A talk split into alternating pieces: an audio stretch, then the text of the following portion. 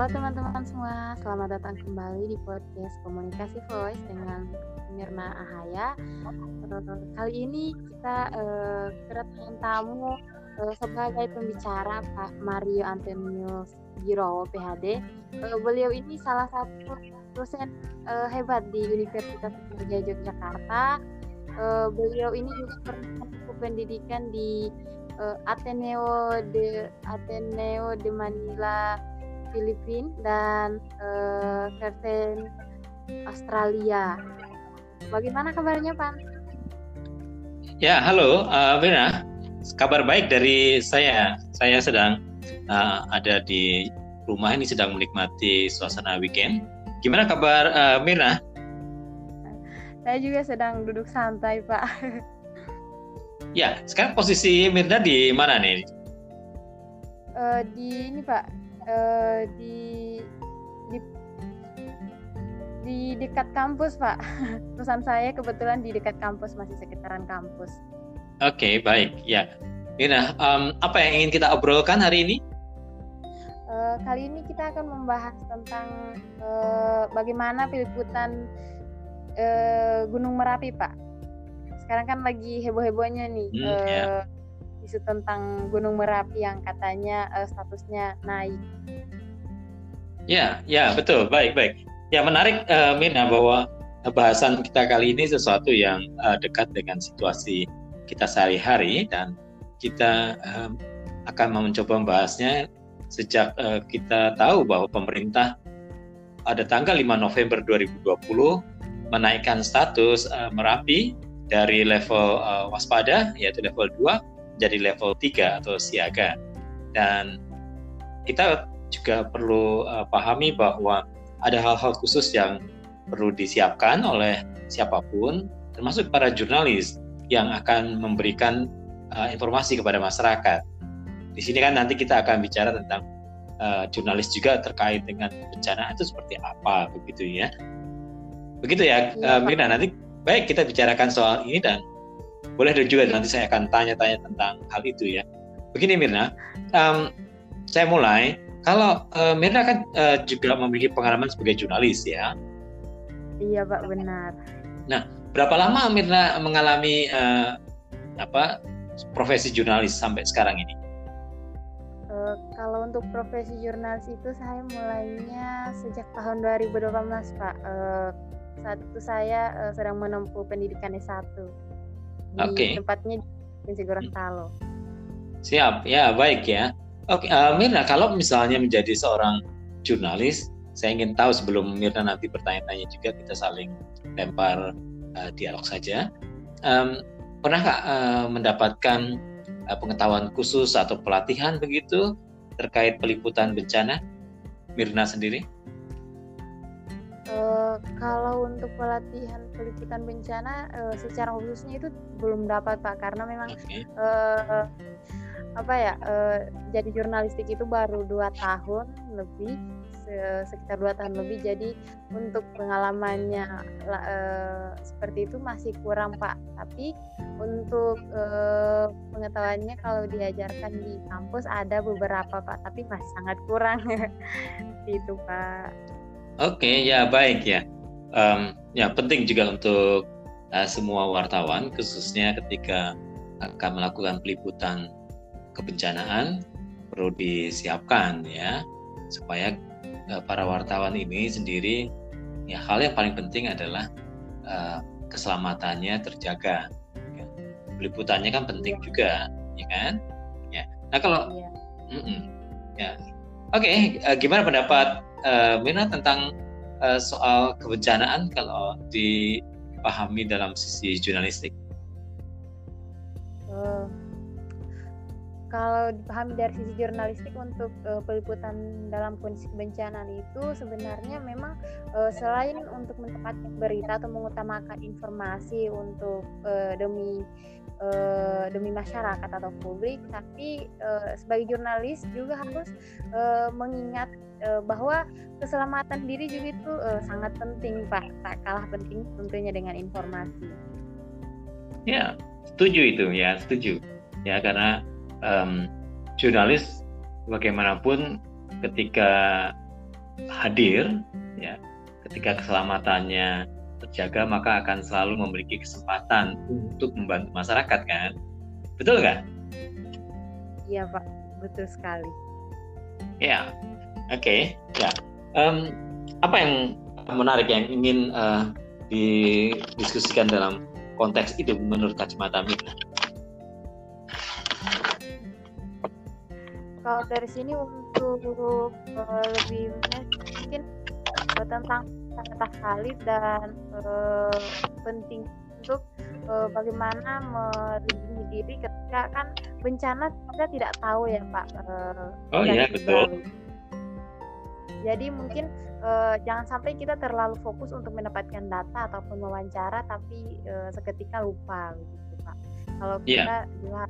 Melengkapi diri mungkin kalau uh, untuk peliputan di Gunung Merapi mungkin harus menggunakan uh, alat pelindung begitu Pak. Ya betul. Mm -mm. Ya setuju dan uh, itu sebenarnya bisa dikonsultasikan ya dengan pihak-pihak uh, terkait dalam soal penanganan bencana ya seperti uh, bahwa para jurnalis akan selalu dekat kontak informasi segala macam dengan misalnya di daerah ya BPBD ya Badan Penanggulangan Bencana Daerah ya, sehingga uh, dari para ahlinya ya yang menangani bencana lalu para jurnalis ya, wartawan gitu uh, bisa menyiapkan diri sesuai dengan uh, diperlukan ya, dengan bertanya banyak tentang misalnya kalau bencana merapi hal-hal yang uh, terkait dengan uh, resiko-resiko itu perlu sungguh-sungguh diketahui ya dengan banyak uh, bertanya dengan banyak mencari informasi sehingga ketika berangkat ke lokasi sudah siap untuk mengurangi resiko. Ya. Jadi um, ini sesuatu yang uh, sangat penting ya para wartawan um, memberi, mendapatkan peran yang luar biasa pada saat bencana sih ya. Dan aspek-aspek yang terkait dengan soal ini sebenarnya kita bisa bicarakan dalam konteks misalnya paling dasar ya bagaimana sebenarnya tugas-tugas wartawan ya ini berkaitan dengan soal etika juga dan sebagainya. Ya, ya. Pak, benar. Gimana gimana Uh, kalau untuk menghubungkannya dengan uh, etika jurnalis itu memang benar sekali Pak, saya juga setuju dengan itu.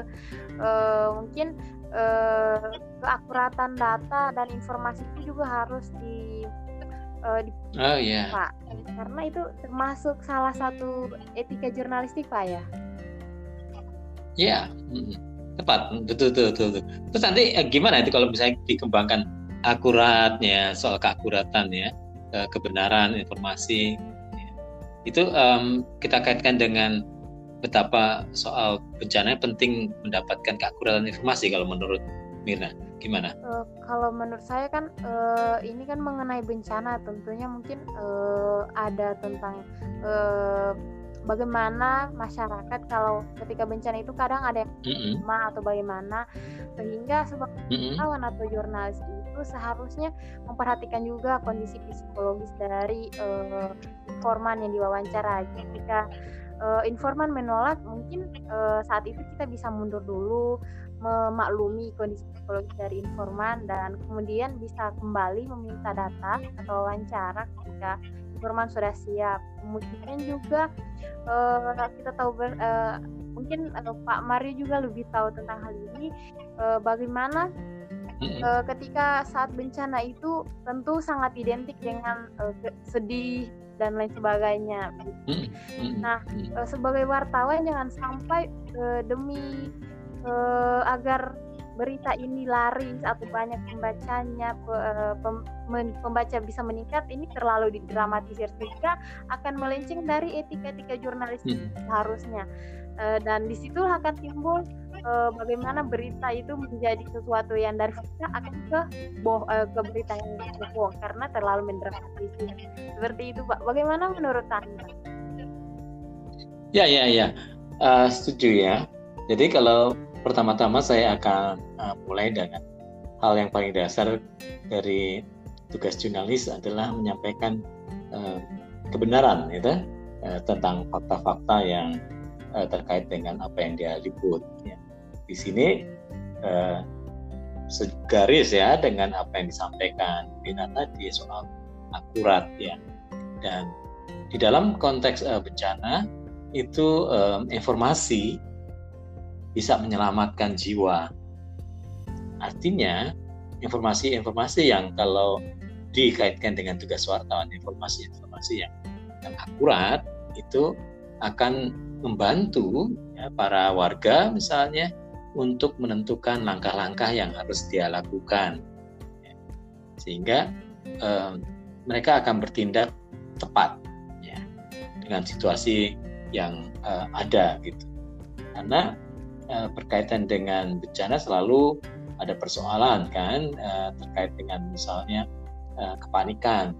Dan kalau Mirna tadi sudah katakan bahwa hal ini bisa jadi muncul kepanikan itu karena ya siapa yang kemudian um, apa berharap uh, tentang bencana kan? Tidak ada. Kadang-kadang bencana muncul dengan uh, tidak terduga.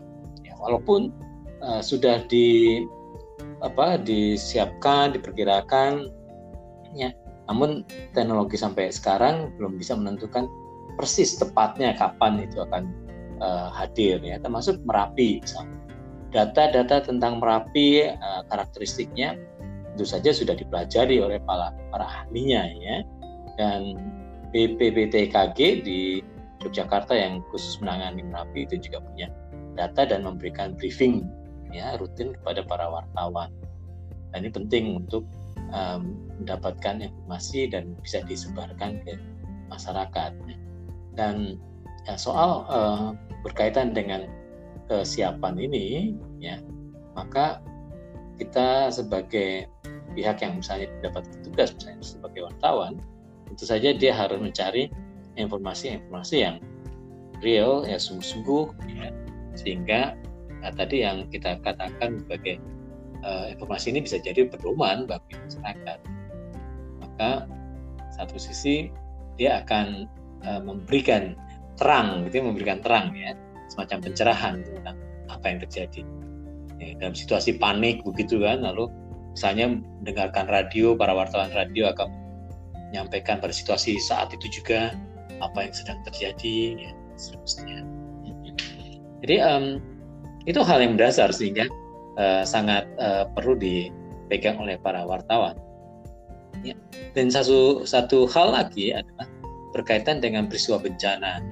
Setuju mengatakan bahwa ini adalah uh, karena aspek uh, human interest ya kemanusiaan uh, sering kali memiliki daya tarik yang luar biasa bagi para uh, audiens ya.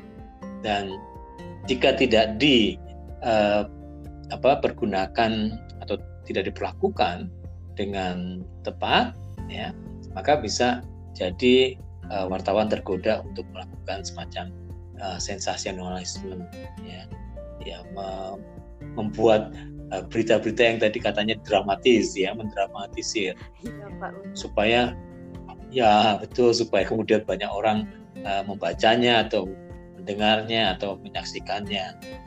Sehingga kalau ada dramatisasi itu akan membuat uh, informasi yang sesungguhnya jadi uh, biasanya kabur. Lalu kalau sudah begitu kan yang diterima oleh masyarakat ya adalah sesuatu yang tidak membantu banyak ya. tapi lebih kadang-kadang bisa menyesatkan ya. nah itu sebenarnya kalau menurut saya um, meneruskan apa yang disampaikan Mirna nah kita bisa melihat misalnya ya, aspek yang uh, tidak kalah menariknya adalah tugas ini tugas para wartawan itu terkait dengan uh, hoax gitu apa yang dipikirkan oleh Miriam saya dengan bencana dan soal hoax itu? Uh, kalau saya mendengar kata hoax terus dihubungkan dengan bencana itu sih Pak yang ada di benak saya pertama itu kan uh, kadang uh, itu dengan mudahnya yeah. karena uh, jejak digital seperti kejadian-kejadian terdahulu uh, kemudian akan kembali mm -hmm. uh, ketika itu seperti mm -hmm. saya langsung ke ini saja ke Gunung Merapi Nah, sebelum Gunung Merapi mm -hmm. ini saat ini sudah uh, mulai naik ke tingkat siaga nah sebelum itu juga kan per, uh, hmm. ada kejadian uh, meletus gitu pak ah, nah ketika wartawan yeah. ini tidak terlalu teliti uh, ataupun hanya mementingkan berita uh, sehingga menjadi hmm. uh, terpancing ketika ada masyarakat atau uh, anggaplah uh, para orang-orang yang ada di media sosial ini mengunggah kembali uh, tentang bencana yang sudah yang sudah terjadi beberapa tahun yang lalu. Yang ya, sudah lalu. Mungkin sebagai yeah. wartawan karena bukan juga haus uh, dengan berita, namun karena memang uh, mendapatkan berita hmm. sehingga tidak me, uh, tidak cek and recheck lagi begitu pak. Uh, ini benar, ini mm-hmm, betul. ini atau yeah. yang uh, tahun uh, beberapa tahun yang lalu sehingga mungkin karena tidak teliti dan tidak mengecek kembali sehingga langsung dilip, eh, dibuatkan berita seperti itu nah itulah yang menjadi sesuatu yang fatal pak ketika sudah terlanjur di post iya betul dan terlanjur konsumsi iya. masyarakat yeah. sehingga uh, bisa saja media itu dipandang oleh masyarakat sebagai media yang tidak kredibel lagi dan tentunya terang adalah satu hal yang penting dalam jurnalistik. Menurut Tan? Ya betul. Ya, ya soal kredibilitas itu memang uh, sesuatu yang uh, tidak boleh ditawar lagi ya, bahwa uh, para jurnalis sebenarnya harus tahu bahwa ketika mereka menjalankan profesinya, di sana sebenarnya pertaruhan tentang kredibilitas itu akan uh, terjadi ya. Pertaruhan misalnya ketika wartawan ya, melakukan peliputan dan kemudian menyampaikan berita dengan baik ya, dengan uh, tepat tadi ya dan uh, sesuai dengan waktu yang dibutuhkan kecepatan misalnya maka uh, dia akan memiliki uh, kredibilitas ya uh, orang akan percaya pada uh, media yang bersangkutan di mana tempat si wartawan bekerja. Dan ini artinya uh, wah, wartawan itu sudah membantu dirinya sendiri dan lembaganya ketika dia menjalankan fungsinya dengan baik. Ya, kredibilitasnya tadi kemudian tetap terjaga dan menjadi semacam uh, referensi, ya, menjadi semacam referensi ketika terjadi kebingungan apa sih yang sedang terjadi sebenarnya? Kok beritanya simpang siur? Oke okay, kalau beritanya simpang siur ya lalu warga atau masyarakat tahu bahwa ke mana dia harus mencari uh, informasi untuk memverifikasinya. Nah, itulah kalau misalnya kredibilitasnya baik maka masyarakat ya kalayak akan lari ke media tersebut untuk melihat apa yang sesungguhnya terjadi nah ini penting banget sih dalam situasi yang uh, sekarang di mana uh, media sosial uh, luar biasa ya informasi yang beredar gampang sekali diakses ya sekaligus ya diaksesi tidak hanya menerima pesan tetapi sekaligus juga memproduksi pesan. Kalau eh, ada orang-orang yang tidak bertanggung jawab seperti Mirna tadi sampaikan ya ingin populer supaya banyak eh, apa followersnya ya, lalu menampilkan eh, berita yang udah lama gitu lalu dikemas baru berita lama baru seolah-olah terjadi lagi sekarang itu eh, bisa jadi membuat orang bingung kan ya. dan lalu bertindak tidak tepat ya. misal ya bahwa Merapi uh, sebenarnya sedang dalam level siaga tapi uh, beritanya sudah uh, beredar video-video tentang Merapi yang sedang uh, erupsi dahsyat gitu ya. Padahal itu tahun berapa begitu ya diambil diputar lagi. Sehingga menimbulkan kepanikan warga yang mengetahui melalui media sosial tadi misalnya uh, berita tersebut lalu panik dan ya lalu melakukan tindakan yang tepat ya. Karena panik lalu lari ke jalan ya, kemudian mengendarai kendaraan secepat-cepatnya bahkan akhirnya menjadi uh, jatuhnya korban juga risiko tentang keselamatan keamanan uh, rumah tinggalnya kalau ada orang-orang jahat yang menyebarkan hoax dalam rangka mengambil keuntungan kayak itu misalnya menjarah rumah-rumah kosong yang sengaja dia bikin panik lalu orang-orang pada pergi lalu dia mencari rumah kosong ini juga menjadi sesuatu yang tidak tepat kan kalau uh, apa termakan uh, berita bohong tadi atau hoax tadi. Ya, ya saya pikir uh, akhirnya akhirnya ketika wartawan melakukan uh, tugasnya dengan baik, sebenarnya dia menjaga profesinya juga. Dan sekaligus sebenarnya dia memiliki uh, fungsi yang sangat bermanfaat buat para kalayaknya ya.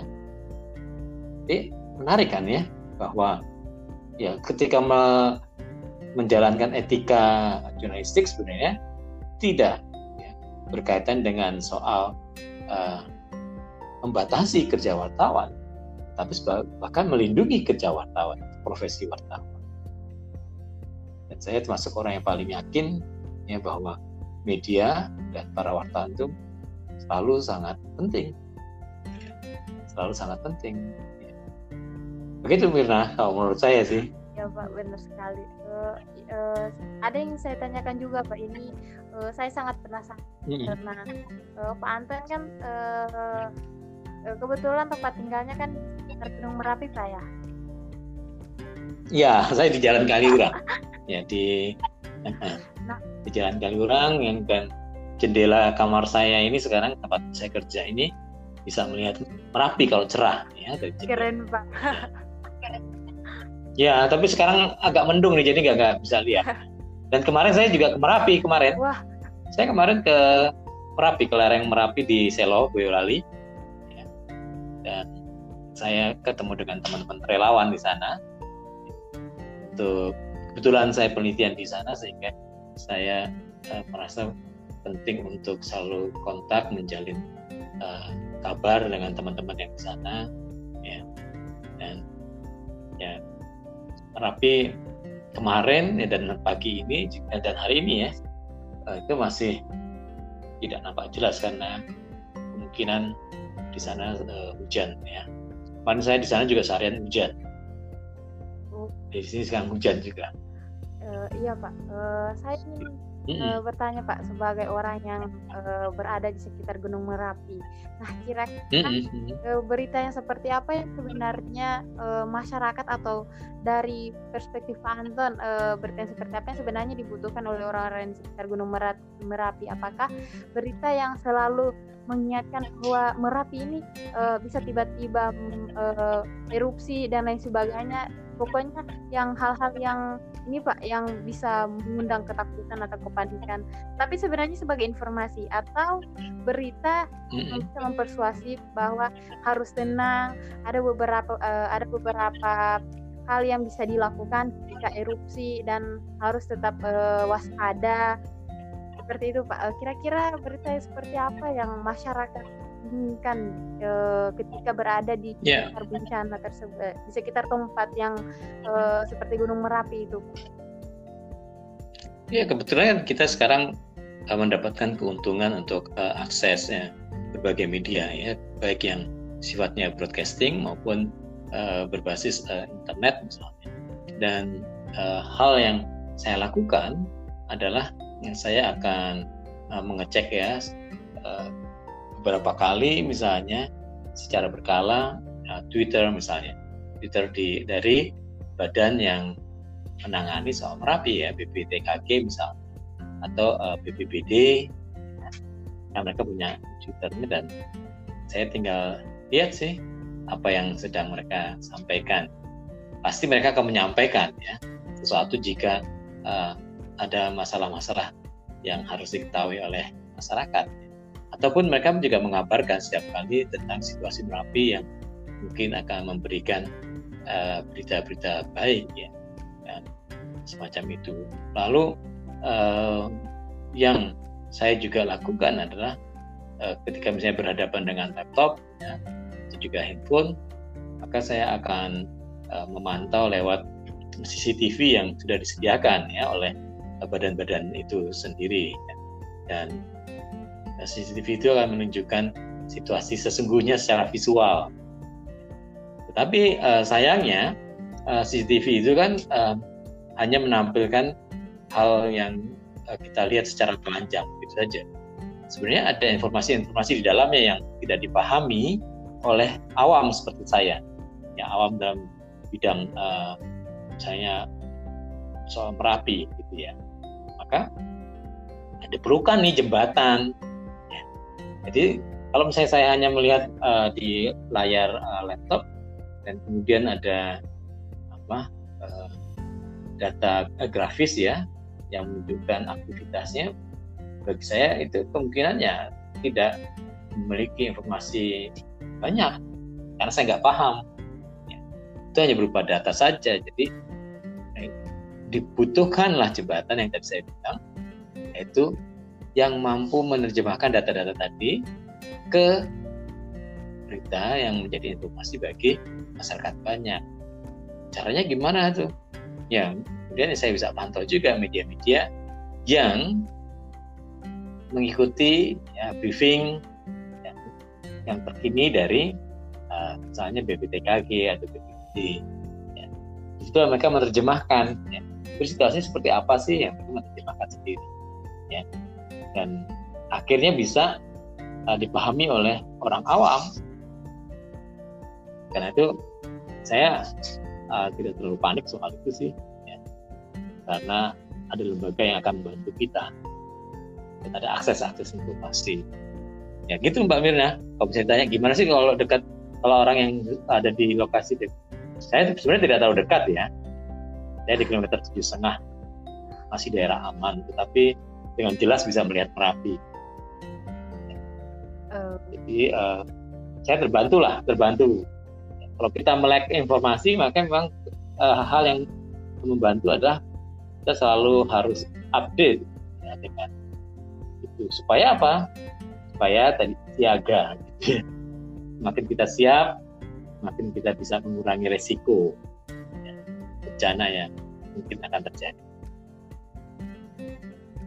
kalau Mirna kelihatan ya dari lokasi Babarsari? Kalau dari Babarsari itu kelihatan tapi tidak terlalu jelas seperti di uh, ya. di Kalau dari kampus, tiga, kampus tiga Baba uh, Pasca ya. itu, ya kalau dari kelas uh, kelas Pasca itu biasanya kalau cerah bisa kelihatan itu.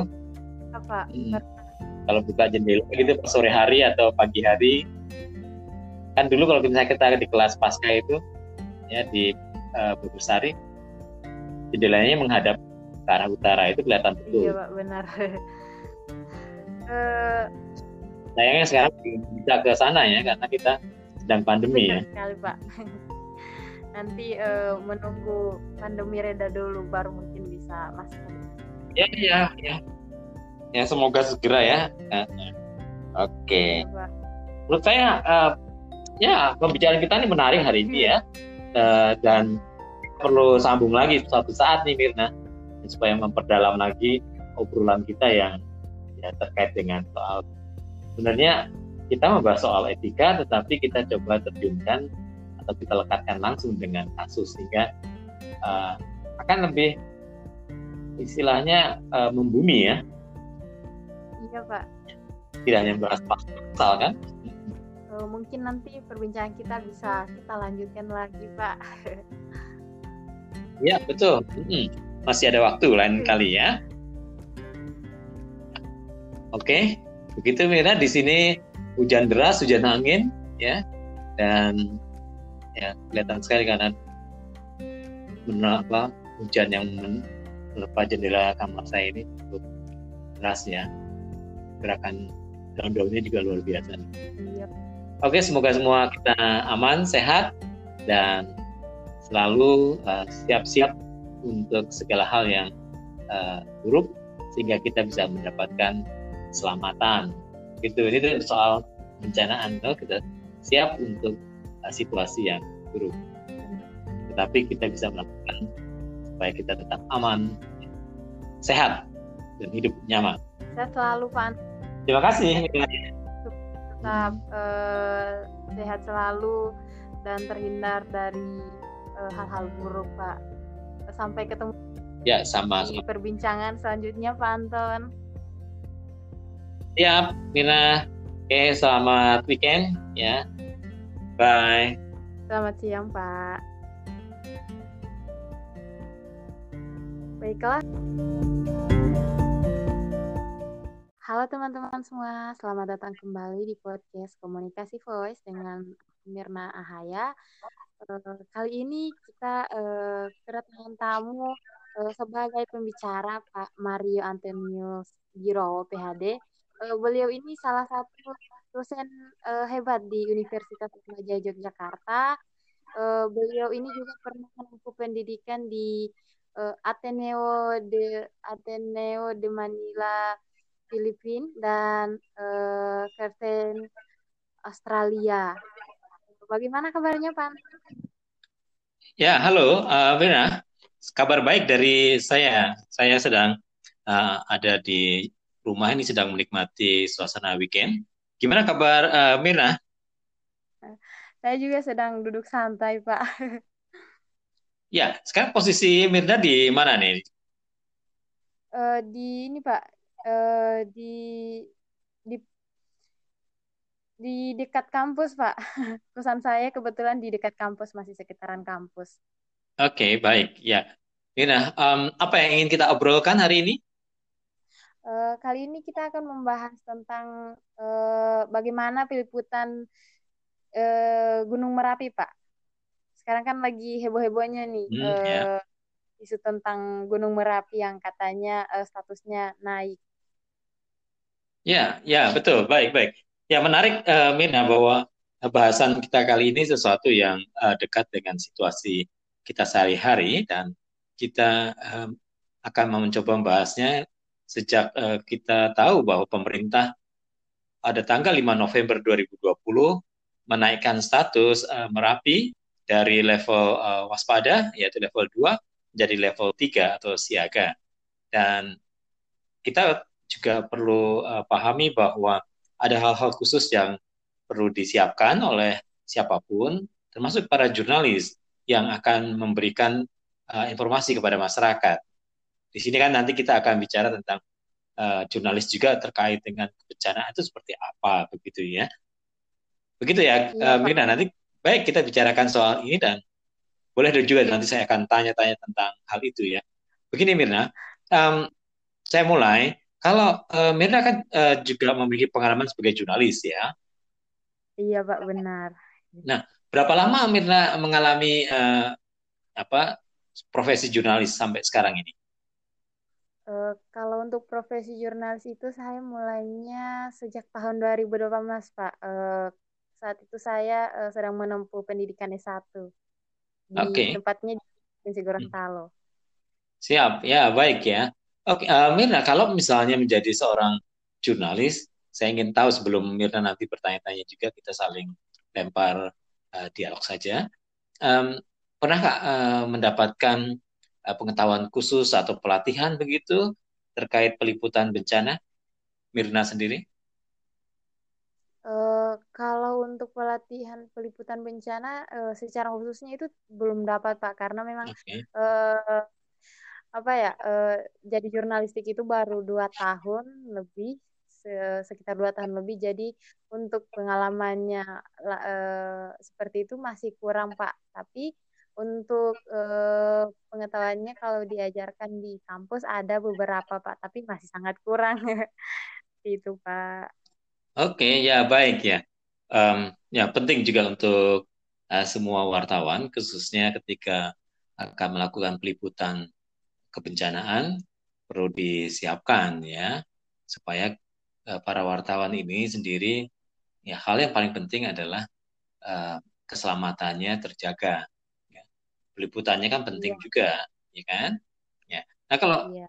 mm -mm, ya, oke, okay, uh, gimana pendapat uh, Mina tentang uh, soal kebencanaan kalau dipahami dalam sisi jurnalistik?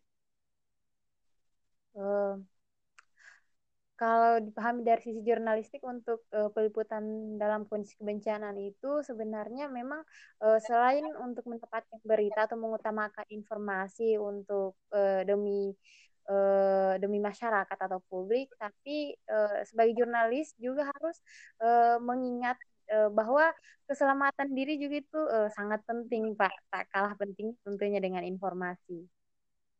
Ya setuju itu ya setuju. Ya karena um, jurnalis bagaimanapun ketika hadir ya ketika keselamatannya terjaga, maka akan selalu memiliki kesempatan untuk membantu masyarakat, kan? Betul nggak? Iya, Pak. Betul sekali. Ya, oke. Okay. Ya. Um, apa yang menarik yang ingin uh, didiskusikan dalam konteks itu menurut kacamata Mirna? Kalau dari sini untuk uh, lebih mungkin uh, tentang kata valid dan uh, penting untuk uh, bagaimana melindungi diri ketika kan bencana kita tidak tahu ya Pak. Uh, oh iya betul. Jadi mungkin uh, jangan sampai kita terlalu fokus untuk mendapatkan data ataupun wawancara, tapi uh, seketika lupa begitu Pak. Kalau iya. kita yeah. Melengkapi diri, mungkin kalau uh, untuk peliputan di Gunung Merapi mungkin harus menggunakan uh, alat pelindung begitu Pak. Ya betul, mm -mm.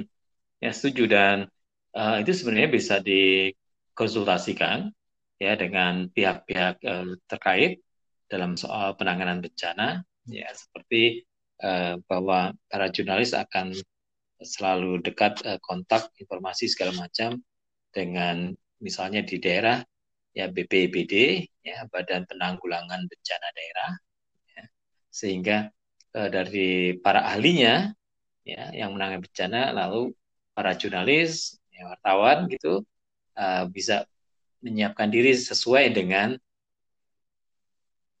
yang uh, diperlukan ya dengan bertanya banyak tentang misalnya kalau bencana merapi hal-hal yang uh, terkait dengan uh, resiko-resiko itu perlu sungguh-sungguh diketahui ya dengan banyak uh, bertanya dengan banyak mencari informasi sehingga ketika berangkat ke lokasi sudah siap untuk mengurangi resiko.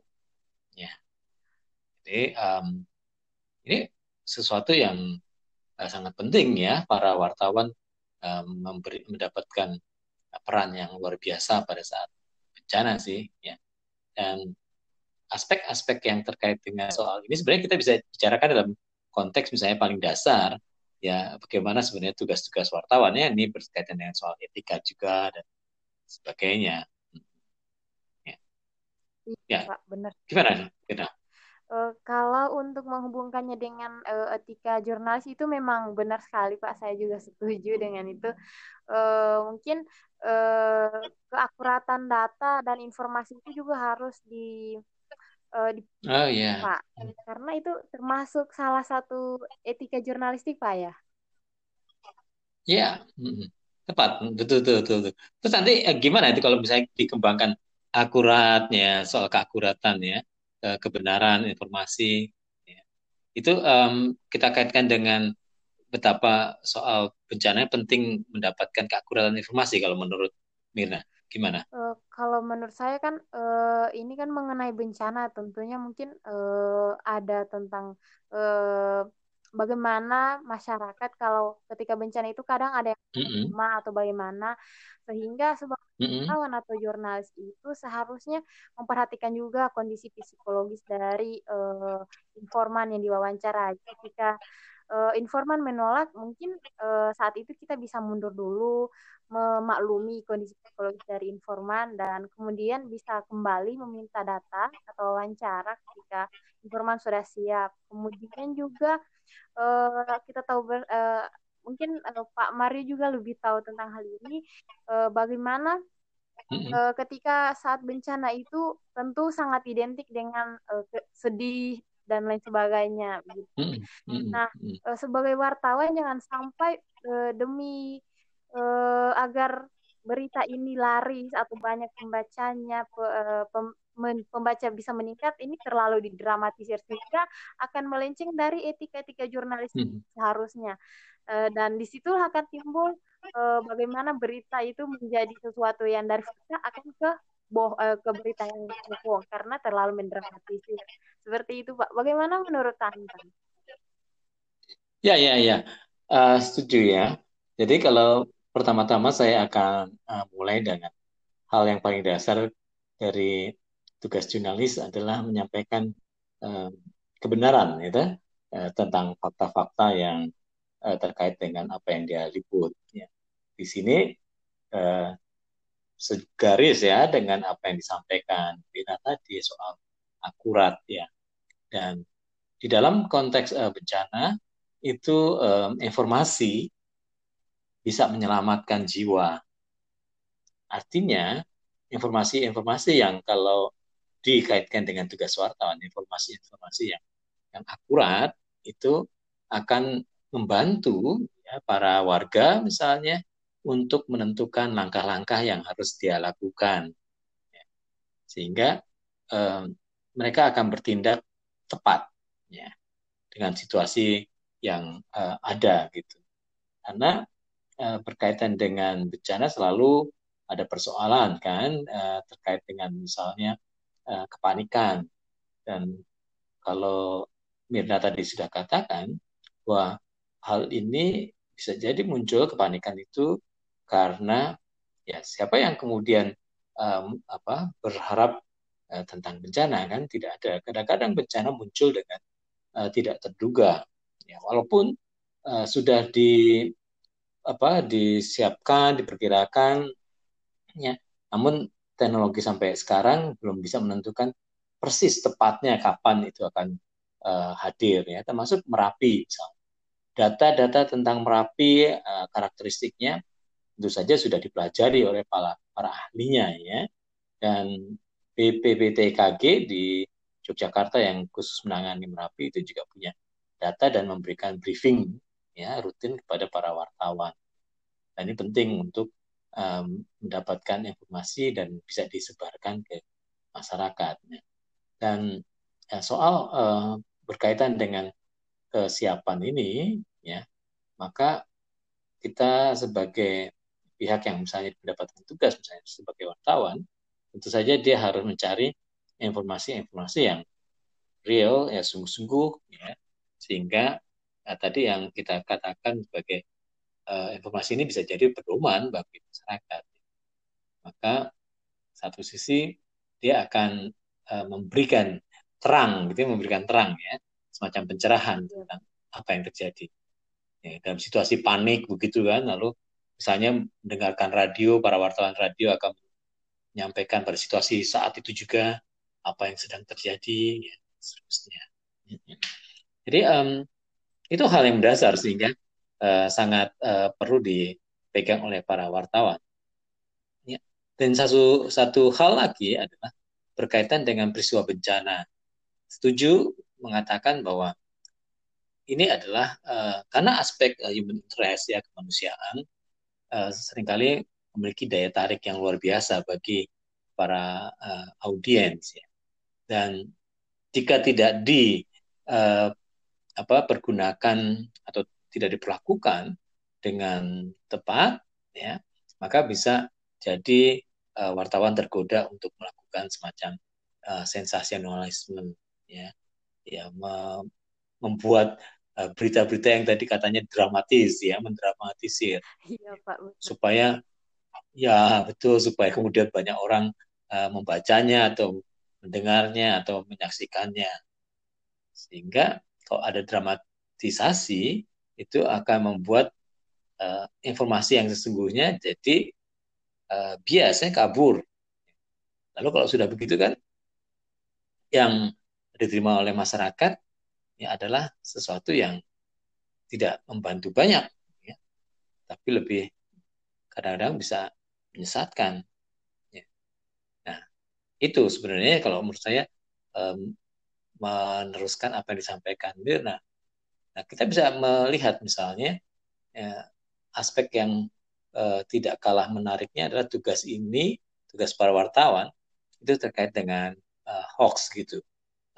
Apa yang dipikirkan oleh Miriam saya dengan bencana dan soal hoax itu? Uh, kalau saya mendengar kata hoax terus dihubungkan dengan bencana itu sih Pak yang ada di benak saya pertama itu kan uh, kadang uh, hoax itu dengan mudahnya yeah. karena uh, jejak digital seperti kejadian-kejadian terdahulu uh, kemudian akan kembali mm -hmm. uh, ketika itu seperti contoh mm -hmm. konkretnya saya langsung ke ini saja ke Gunung Merapi uh, sebelum Gunung Merapi mm -hmm. ini saat ini sudah uh, mulai naik ke tingkat siaga nah sebelum itu juga kan per, uh, hmm. ada kejadian uh, uh, meletus gitu pak uh, nah ketika uh, wartawan yeah. ini tidak terlalu teliti uh, ataupun hanya mementingkan berita uh, sehingga menjadi mm -hmm. uh, terpancing ketika ada masyarakat atau uh, anggaplah uh, para orang-orang yang ada di media sosial ini mengunggah kembali uh, tentang bencana yang sudah seperti sudah terjadi beberapa tahun yang lalu. Yang ya, sudah lalu. Mungkin sebagai yeah. wartawan karena bukan juga haus uh, dengan berita, namun karena memang uh, mendapatkan berita hmm. sehingga tidak me, uh, tidak cek and recheck lagi begitu pak. Uh, ini benar, ini mm-hmm, betul. ini mm-hmm, atau yeah. yang uh, tahun uh, beberapa tahun yang lalu sehingga mungkin karena tidak teliti dan tidak mengecek kembali sehingga langsung dilip, eh, dibuatkan berita seperti itu nah itulah yang menjadi sesuatu yang fatal pak ketika sudah terlanjur di post iya betul dan terlanjur konsumsi iya. masyarakat yeah. sehingga uh, bisa saja media itu dipandang oleh masyarakat sebagai media yang tidak kredibel lagi dan tentunya trust adalah satu hal yang penting dalam jurnalistik pak. Menurut tante? Ya betul.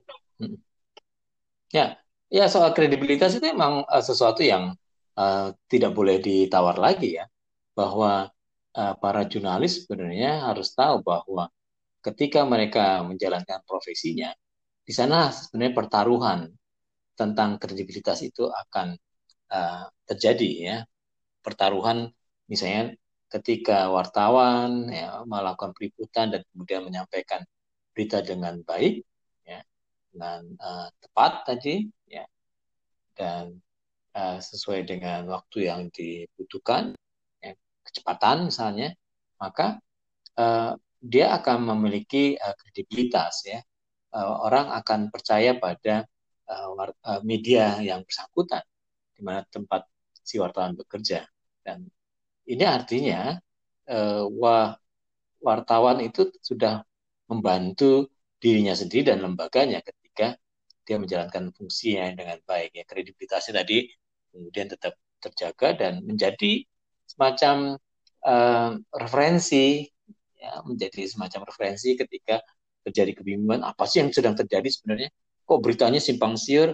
Oke okay, kalau beritanya simpang siur ya lalu warga atau masyarakat tahu ke mana dia harus mencari uh, informasi untuk memverifikasinya. Nah, itulah kalau misalnya kredibilitasnya baik maka masyarakat ya kalayak akan lari ke media tersebut untuk melihat apa yang sesungguhnya terjadi. Nah ini penting banget sih dalam situasi yang uh, sekarang di mana uh, media sosial uh, luar biasa ya informasi yang beredar gampang sekali diakses ya sekaligus ya diaksesnya tidak hanya menerima pesan tetapi sekaligus juga memproduksi pesan. Kalau uh, ada orang-orang yang tidak bertanggung jawab seperti Mirna tadi sampaikan ya ingin populer supaya banyak uh, apa followersnya ya lalu menampilkan uh, berita yang udah lama gitu lalu dikemas baru ya berita lama baru seolah-olah terjadi lagi sekarang itu uh, bisa jadi membuat orang bingung kan ya. dan lalu bertindak tidak tepat ya. misal ya bahwa Merapi uh, sebenarnya sedang dalam level siaga tapi uh, beritanya sudah uh, beredar video-video tentang Merapi yang sedang erupsi dahsyat gitu ya padahal itu tahun berapa begitu ya diambil diputar lagi. Sehingga menimbulkan kepanikan warga yang mengetahui melalui media sosial tadi misalnya uh, berita tersebut lalu panik dan ya lalu melakukan tindakan yang tepat ya. Karena panik lalu lari ke jalan ya. Kemudian mengendarai kendaraan secepat-cepatnya bahkan akhirnya menjadi uh, jatuhnya korban. Dan juga risiko tentang keselamatan, keamanan uh, rumah tinggalnya kalau ada orang-orang jahat yang menyebarkan hoax dalam rangka mengambil keuntungan, eh, itu misalnya menjarah rumah-rumah kosong, yang sengaja dia bikin panik lalu orang-orang pada pergi lalu dia mencari rumah kosong. Nah ini juga menjadi sesuatu yang tidak tepat kan kalau eh, apa termakan eh, berita bohong tadi ya, atau hoax tadi. Nah, ini ya saya pikir uh, akhirnya akhirnya ketika wartawan melakukan uh, tugasnya dengan baik, sebenarnya dia menjaga profesinya juga. Dan sekaligus sebenarnya dia memiliki uh, fungsi yang sangat bermanfaat buat para kalayaknya. Ya. Jadi menarik kan ya bahwa ya ketika me menjalankan etika jurnalistik sebenarnya tidak ya, berkaitan dengan soal uh, membatasi kerja wartawan, tetapi bahkan melindungi kerja wartawan, profesi wartawan. Dan saya termasuk orang yang paling yakin ya bahwa media dan para wartawan itu selalu sangat penting, ya, selalu sangat penting. Ya. Begitu Mirna, kalau menurut saya sih. Ya Pak, benar sekali. Uh, uh, ada yang saya tanyakan juga Pak. Ini uh, saya sangat penasaran mm -hmm. karena uh, Pak Anton kan uh, kebetulan tempat tinggalnya kan di sekitar Gunung Merapi, Pak ya? Iya, saya di Jalan Kaliurang. ya, di nah, nah, di Jalan Kaliurang yang dan jendela kamar saya ini sekarang tempat saya kerja ini bisa melihat Merapi kalau cerah ya dari jendela. Keren, Pak. Ya. ya, tapi sekarang agak mendung nih jadi nggak nggak bisa lihat. Dan kemarin saya juga ke Merapi kemarin. Wah. Saya kemarin ke Merapi, ke lereng Merapi di Selo, Boyolali dan saya ketemu dengan teman-teman relawan di sana. Untuk kebetulan saya penelitian di sana sehingga saya uh, merasa penting untuk selalu kontak menjalin uh, kabar dengan teman-teman yang di sana ya. Dan ya Merapi kemarin ya, dan pagi ini dan hari ini ya uh, itu masih tidak nampak jelas karena kemungkinan di sana uh, hujan ya. Kemarin saya di sana juga seharian hujan. Oh. Di sini sekarang hujan juga. Uh, iya Pak, uh, saya ingin uh, bertanya Pak sebagai orang yang uh, berada di sekitar Gunung Merapi. Nah kira-kira uh, berita yang seperti apa yang sebenarnya uh, masyarakat atau dari perspektif Pak Anton uh, berita yang seperti apa yang sebenarnya dibutuhkan oleh orang-orang di sekitar Gunung Merapi? Apakah berita yang selalu mengingatkan bahwa Merapi ini uh, bisa tiba-tiba uh, erupsi dan lain sebagainya. Pokoknya yang hal-hal yang ini Pak yang bisa mengundang ketakutan atau kepanikan. Tapi sebenarnya sebagai informasi atau berita yang bisa mempersuasi bahwa harus tenang. Ada beberapa uh, ada beberapa hal yang bisa dilakukan ketika erupsi dan harus tetap uh, waspada seperti itu Pak. Eh, kira-kira berita seperti apa yang masyarakat inginkan uh, ketika berada di yeah. sekitar bencana tersebut, eh, di sekitar tempat yang seperti Gunung Merapi itu Pak? Ya kebetulan kita sekarang uh, mendapatkan keuntungan untuk uh, akses ya, berbagai media ya, baik yang sifatnya broadcasting maupun uh, berbasis uh, internet misalnya. Dan uh, hal yang saya lakukan adalah saya akan uh, mengecek ya uh, beberapa kali misalnya secara berkala uh, Twitter misalnya Twitter di dari badan yang menangani soal Merapi ya BPTKG misalnya atau uh, BPBD ya. Nah, mereka punya Twitternya dan saya tinggal lihat sih apa yang sedang mereka sampaikan pasti mereka akan menyampaikan ya sesuatu jika uh, ada masalah-masalah yang harus diketahui oleh masyarakat. Ataupun mereka juga mengabarkan setiap kali tentang situasi Merapi yang mungkin akan memberikan eh, berita-berita baik ya dan semacam itu. Lalu uh, yang saya juga lakukan adalah uh, ketika misalnya berhadapan dengan laptop ya, atau juga handphone, maka saya akan uh, memantau lewat CCTV yang sudah disediakan ya oleh badan-badan itu sendiri. Dan CCTV itu akan menunjukkan situasi sesungguhnya secara visual. Tetapi uh, sayangnya uh, eh, CCTV itu kan uh, hanya menampilkan hal yang uh, kita lihat secara telanjang, gitu saja. Sebenarnya ada informasi-informasi di dalamnya yang tidak dipahami oleh awam seperti saya, ya awam dalam bidang uh, misalnya soal merapi, gitu ya maka diperlukan nih jembatan. Ya.